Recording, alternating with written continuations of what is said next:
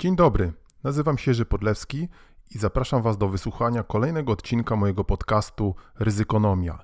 Więcej ryzykonomii, informacji o moich e-bookach, usługach doradczych i szkoleniowych znajdziecie na stronie www.ryzykonomia.pl. Dzień dobry, dzień dobry, dzień dobry. Kolejny odcinek podcastu Ryzykonomia. Trochę nas, nas nie było, ale znowu jesteśmy.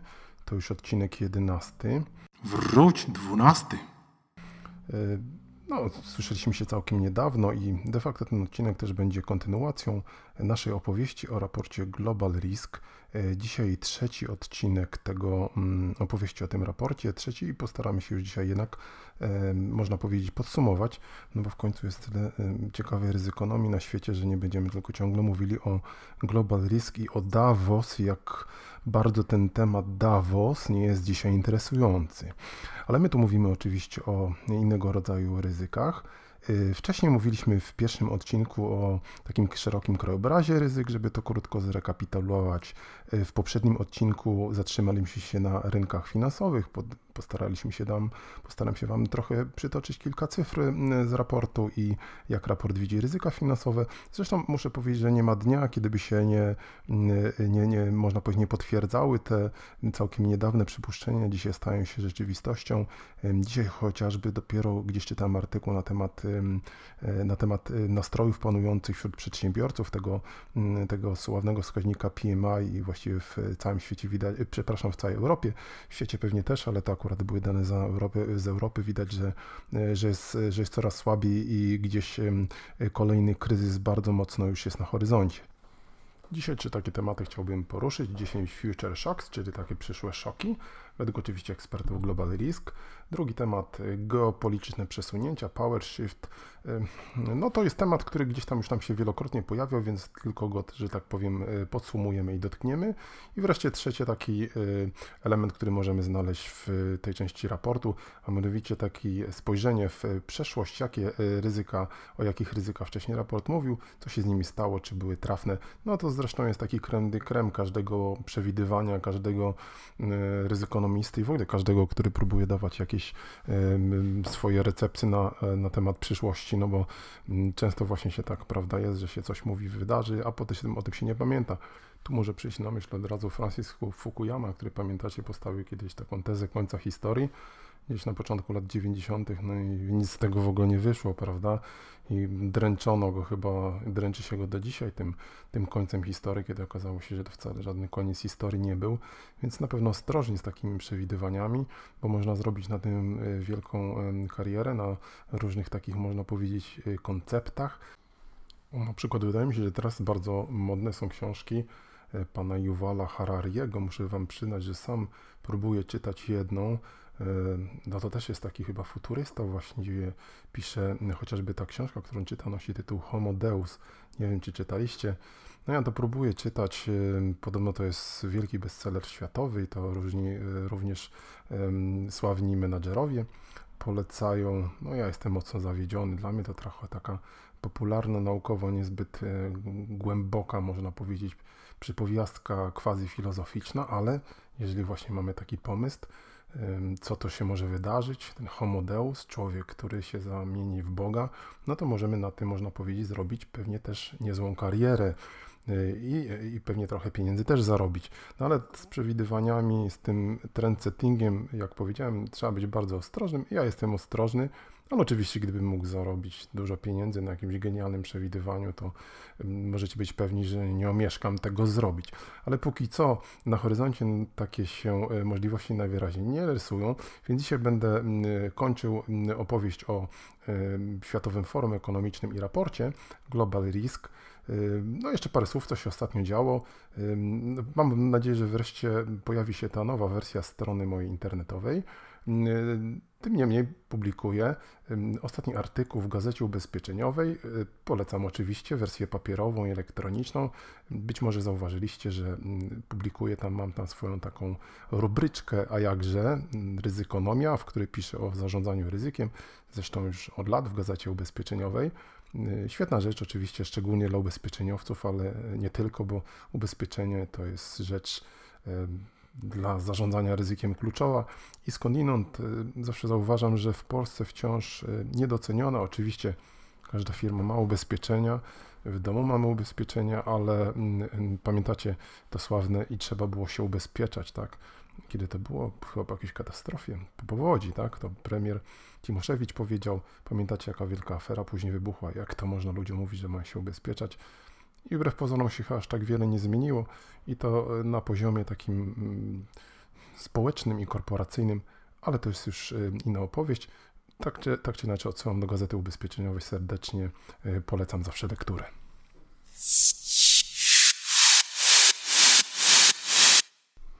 Jakie więc są, ale mogą albo mogą być te przyszłe szoki, o których e, wspomina raport Global Risk. Trochę to jest pewnie takie straszenie i takie, można powiedzieć, mega czarne łabędzie, ale możemy spojrzeć. Tym bardziej, że o nich e, można było już słyszeć w innych zestawieniach. No ale przejdźmy do rzeczy. Pierwszy szok, e, problemy takie mega żywnościowe, problemy z plonami. I to zarówno nie tylko z tego klimatu, bo o tym na pewno e, w pierwszej chwili wszyscy pomyślimy, ale chociażby związane z jakimiś kwestiami e, e, innymi, naturalnymi, nienaturalnymi, jakimiś katastrofami naturalnymi, związane z jakimś działalnością człowieka, chociażby z wymieraniem pszczół generalnie rzecz biorąc, brakuje na świecie żywności. Tak, taki moment. I to oczywiście byłby wielki problem, no, wielka katastrofa. Zresztą to zawsze była wielka katastrofa. Czy brak żywności w wyniku jakiegoś konfliktu lokalnego czy międzynarodowego, co zresztą ma miejsce, prawda? W Jemenie mamy wielką katastrofę głodu i właśnie z przyczyn toczącego się tam konfliktu zbrojnego Zresztą, jeżeli przyjrzymy się historii jakiejkolwiek wojen, to wojny zawsze, można powiedzieć, owocowały, tak, jeżeli to można użyć w tym znaczeniu, mm, gdzieś właśnie głodem, problemami ludności cywilnej, która najbardziej cierpiała. Ostatnio czytałem chociażby o głodzie głodzie w 40, na przełomie 44-45 roku, głodowej zimie w Holandii, między innymi po operacji Market Garden, kiedy Niemcy zemścili się w pewnym sensie na, na ludności Holandii przez utrudnienie im, czy w ogóle uniemożliwienie zaopatrzenia się w żywność i tam się toczyła też wojna. W każdym razie szacuje się, że około chyba 20 tysięcy ludzi w tym czasie zmarło i przynajmniej z tego, co, co udało się policzyć i to była wielka katastrofa, także wojna zawsze niesie za sobą niestety głód i no i tak zawsze w historii niestety było. O tym, wspomina, o tym wspomina e, to ryzyko. Następne ryzyko to jest ryzyko numer dwa, szok numer dwa, nazwałbym to takim zamuleniem webu, zamuleniem sieci, czyli taka sztuczna inteligencja samopowielająca się, różnego rodzaju prostsze i bardziej skomplikowane algorytmy, które, programy, które same piszą programy, powodują takie zamulenie, zwolnienie, opanowywanie sieci przez tą, przez tą sztuczną inteligencję i cały ten internet nasz zaczyna działać nie tak jak powinien. Tak myślę, że, y, że, to, że to mają tutaj autorzy na myśli. Y, kolejny szok, y, śmierć handlu. Tak? No to o problemach handlu międzynarodowego opowiadaliśmy, a tu jest jeszcze taka, można powiedzieć, bardziej czarna wizja, a więc rzeczywiście mm, nie tylko pomysły Donalda Trumpa, ale różnych innych państw powodują taki zupełny odwrót od wolnego handlu w kierunku układów bilateralnych, no to czym na przykład marzyli brexitierzy, tak, czyli brexitowcy, ale generalnie rzecz biorąc to spada się handel międzynarodowy i powracamy gdzieś do wieku, hmm, nie wiem, którym do wieku było, XII, XIII. W każdym razie taka, taką mamy, taki mamy zupełnie czarny scenariusz. Ryzyko numer cztery. Demokracja zaczyna solidnie, już można powiedzieć, osłabiać się, solidnie buksować. Mamy dzisiaj różne trendy osłabiające demokrację, ale wyobraźmy sobie, że to naprawdę przyspiesza. Wygrywają wybory do Parlamentu Europejskiego siły jakieś skrajne, autoeuropejskie, mamy kolejnych Trumpa numer 1, 2, 3 i tak dalej, i tak dalej. To naprawdę wszystko się sypie. Niemożliwe. Dlaczego nie? Mam wrażenie, że wielu ludzi nawet o tym marzy. Czasami mam wrażenie, że wielu ludzi za tym nawet tęskni, prawda? Bo zrobiło się już nudno, tak bezpiecznie. E, następne ryzyko, następny szok. No to ciekawe, ciekawe, nigdy się z tym wcześniej nie spodziewałem, ale nie spotkałem. Y, tutaj autorzy akurat mówią o rybołówstwie, no, które w końcu jest bardzo ważną dziedziną gospodarki i mówią o tym, że nowe technologie, takie precyzyjne śledzenie ryby może spowodować, że cała ryba zostanie wyłowiona, przełowiona, ryby będą ścigane przez jakieś roboty i w ogóle ryb zabraknie. A jak ryb zabraknie, no to nie będzie fajnie, prawda? Nie będzie na przykład y, ryby po grecku. Nie? No, żartuję. To jest wielka oczywiście katastrofa dla, dla, dla wielu gospodarek i, i w ogóle dla ryba jest ryba. Rybołówstwo jest bardzo, bardzo ważną dziedziną gospodarki. O tym wspomina tutaj mm, ten szok, można powiedzieć, numer 5, a po nim zaraz mamy szok numer 6. I tu jest mowa już o takim 100 year storm, perfekcyjnym sztormie gospodarczym, kiedy mamy kolejne katastrofy gospodarcze, jedna za drugą, jedna za drugą i wszystko można powiedzieć się totalnie wali, cały system światowej ekonomii i panuje chaos. Tak, tak to chyba sobie można wyobrazić. Szok numer 7, a mianowicie szok, on to też nawiązuje do tej książki, o której wspominałem, właśnie Harariego, Homo Deus.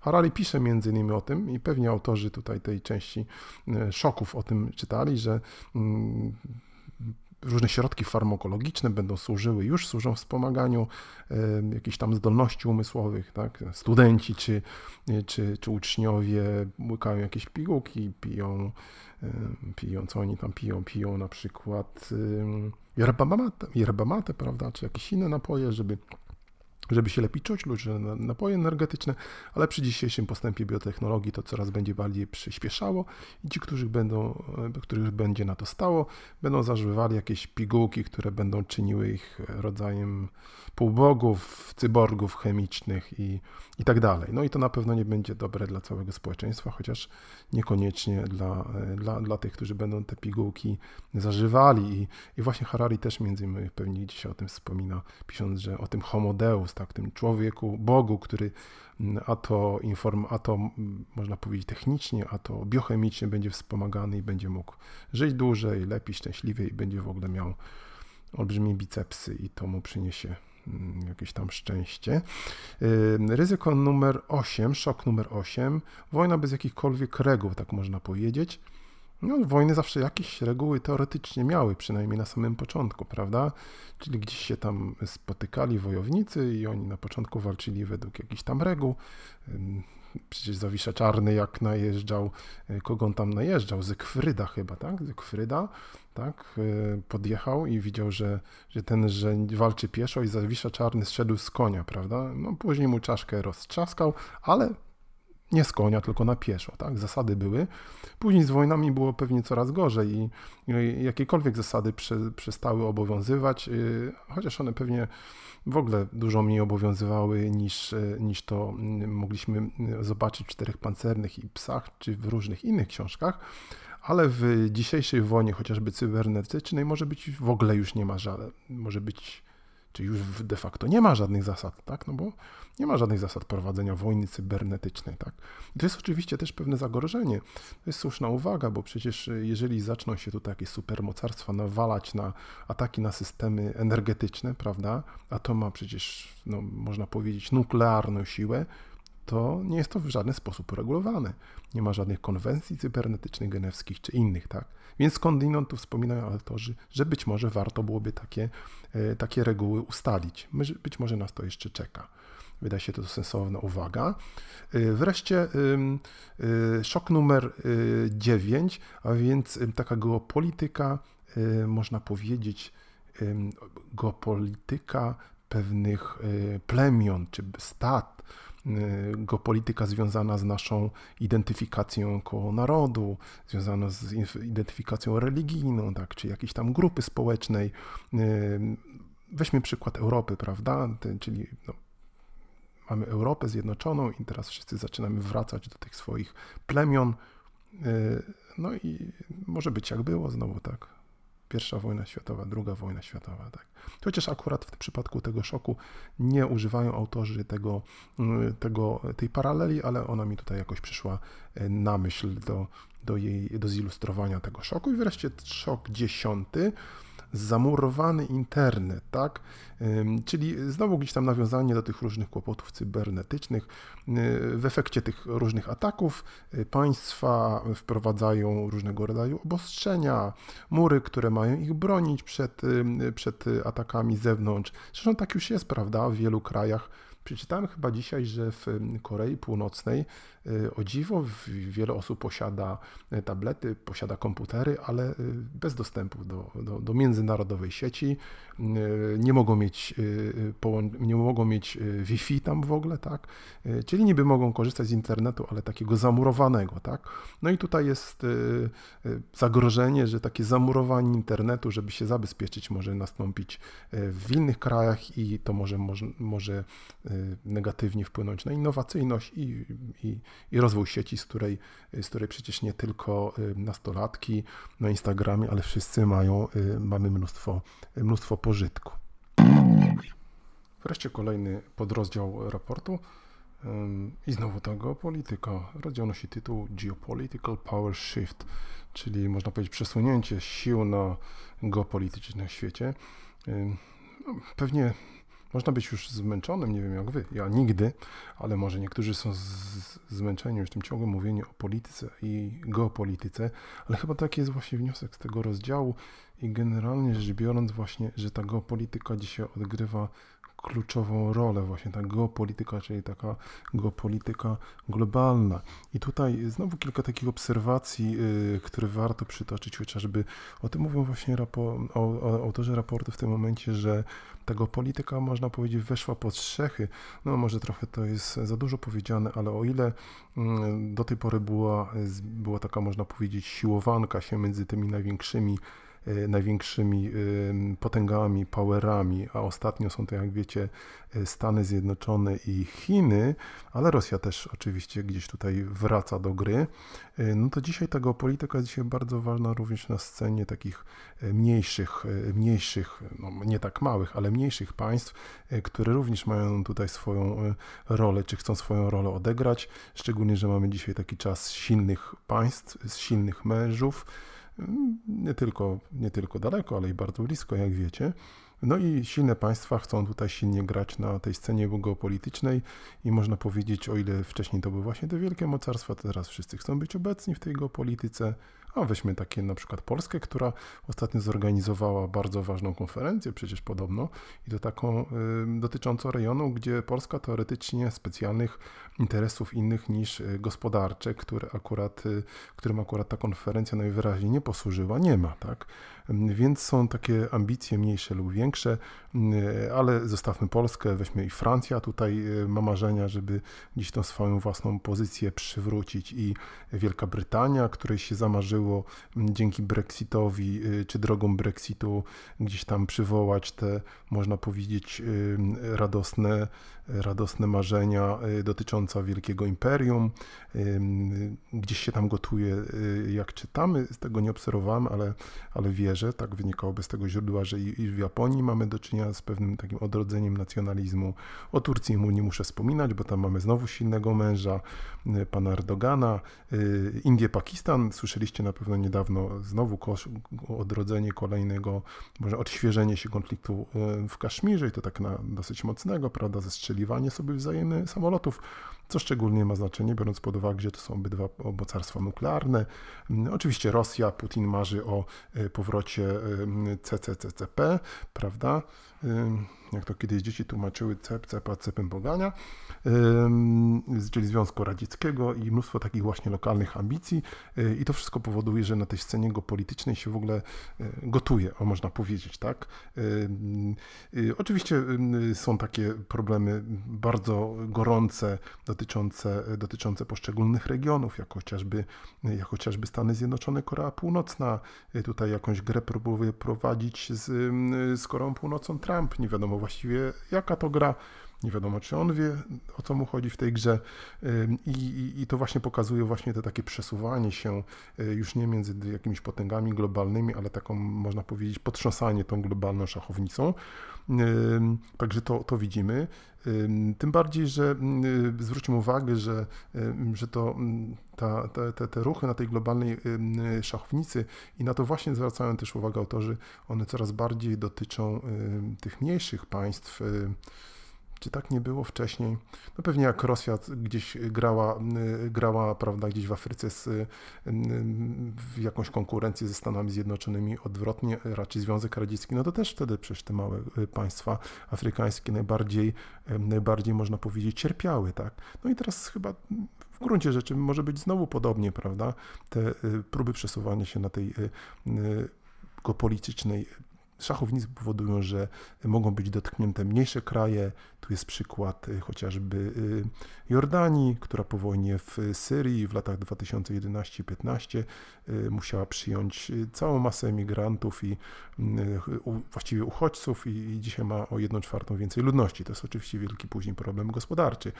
Albo drugi przykład Grecji, która tak jak miała upaść, to wszyscy się bali, że jak upadnie, to, to powali całą eurozonę. Więc widać też, że, że to działa, działa w drugą stronę i te, można powiedzieć, kwestie globalne są dzisiaj nie do przesunięcia, dlatego no, trzeba o nich mówić po prostu do znudzenia y, i jeszcze więcej.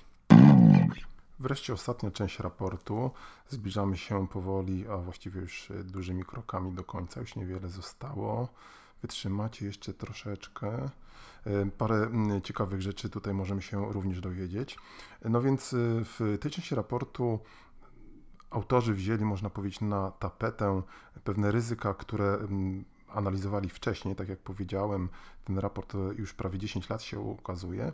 No więc y, zresztą to tak jak powiedziałem, bardzo, bardzo ciekawe jednak y, spojrzenie takie wstecz. To jest jeden z przecież najważniejszych elementów zarządzania ryzykiem. Równie ważne oczywiście jak analizowanie tego, co dzieje się teraz i tego, co się będzie działo w przyszłości. No więc w 2013 roku Global Risk pisał o zagrożeniu związanym z nabywaną odpornością ludzi na antybiotyki. To jest coraz większy problem. Znamy go na pewno każdego z nas, swojego również prywatnego życia. To masowe używanie antybiotyków oprócz e, błogosławieństwa, które przyniosło oczywiście spowodowało, że ludzie stali się uodpornieni na, przepraszam, nie ludzie, bakterie stały się odporne na, na antybiotyki, na część przynajmniej antybiotyków i e, przecież pierwszy antybiotyk e, został wynaleziony przez, tu błysnę wiedzą, encyklopedyczną, którą oczywiście sam sprawdziłem wcześniej, Y, przez Ayana Fleminga w 28 roku. Penicylina, pamiętacie?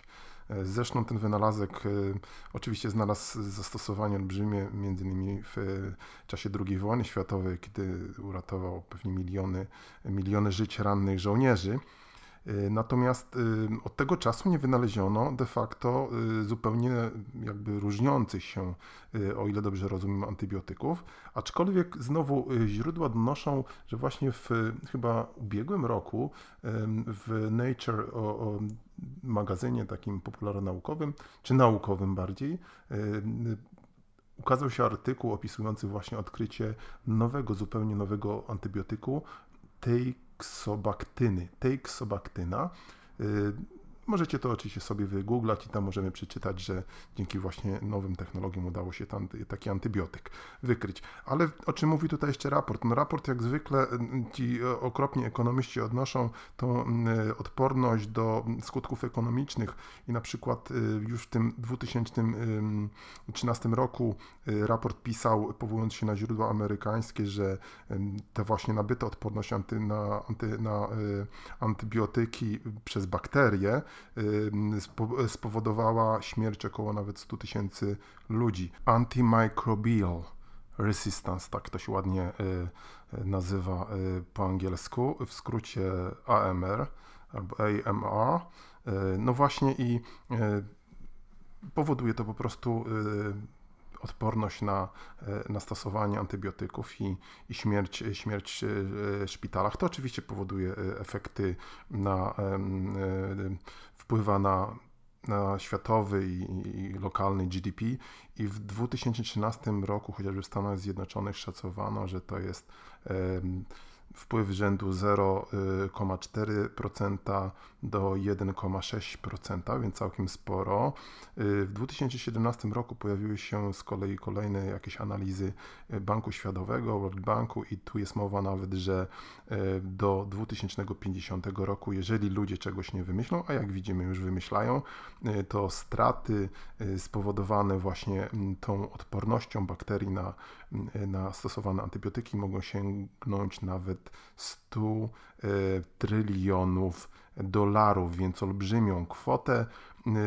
I coś z tym oczywiście trzeba robić, ale tak jak mówimy, właśnie dono, jak donoszą źródła, już się coś, coś dzieje, więc miejmy nadzieję, że ten problem, jeżeli raport sięgnie za parę lat, będzie chociaż w jakiej części, jeżeli nie rozwiązany, to coś, coś się tutaj zmieni.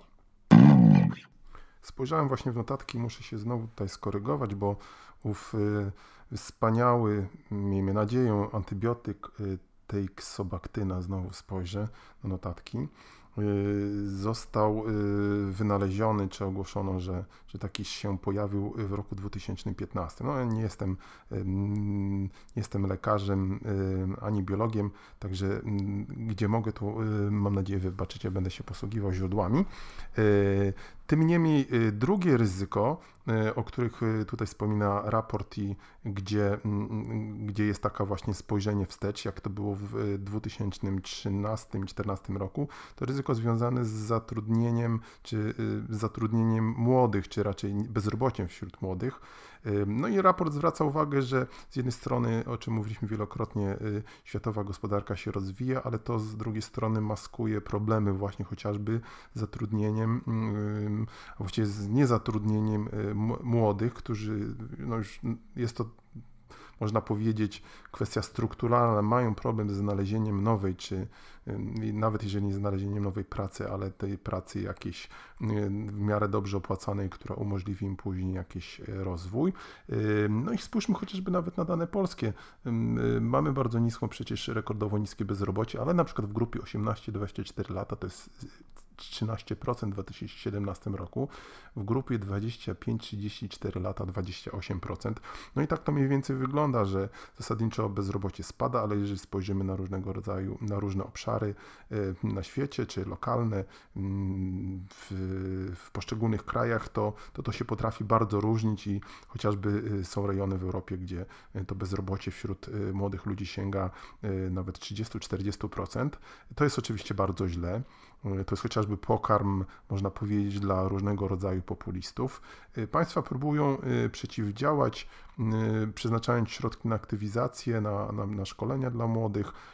W raporcie możemy zobaczyć takie zestawienie, jaki jest procent produktu krajowego brutto przeznaczany na aktywizację, e, aktywizację zawodową młodych. E, no, nie ma się co dziwić, najwyższe tutaj miejsca w rankingu to są kraje skandynawskie. Francja, co ciekawe, się mocno zaktywizowała. My, Polska, jesteśmy mniej więcej w środku stawki, gdzieś za Włochami, o dziwo i przed Czechami. I to było mniej więcej na tyle, jak mawiał Jan Tadeusz Stanisławski w mniemanologii stosowanej. To byłoby na tyle w naszej ryzykonomii stosowanej dzisiaj. Słuchajcie nas, wracamy wkrótce z nowymi tematami. Bye, bye, bye, bye.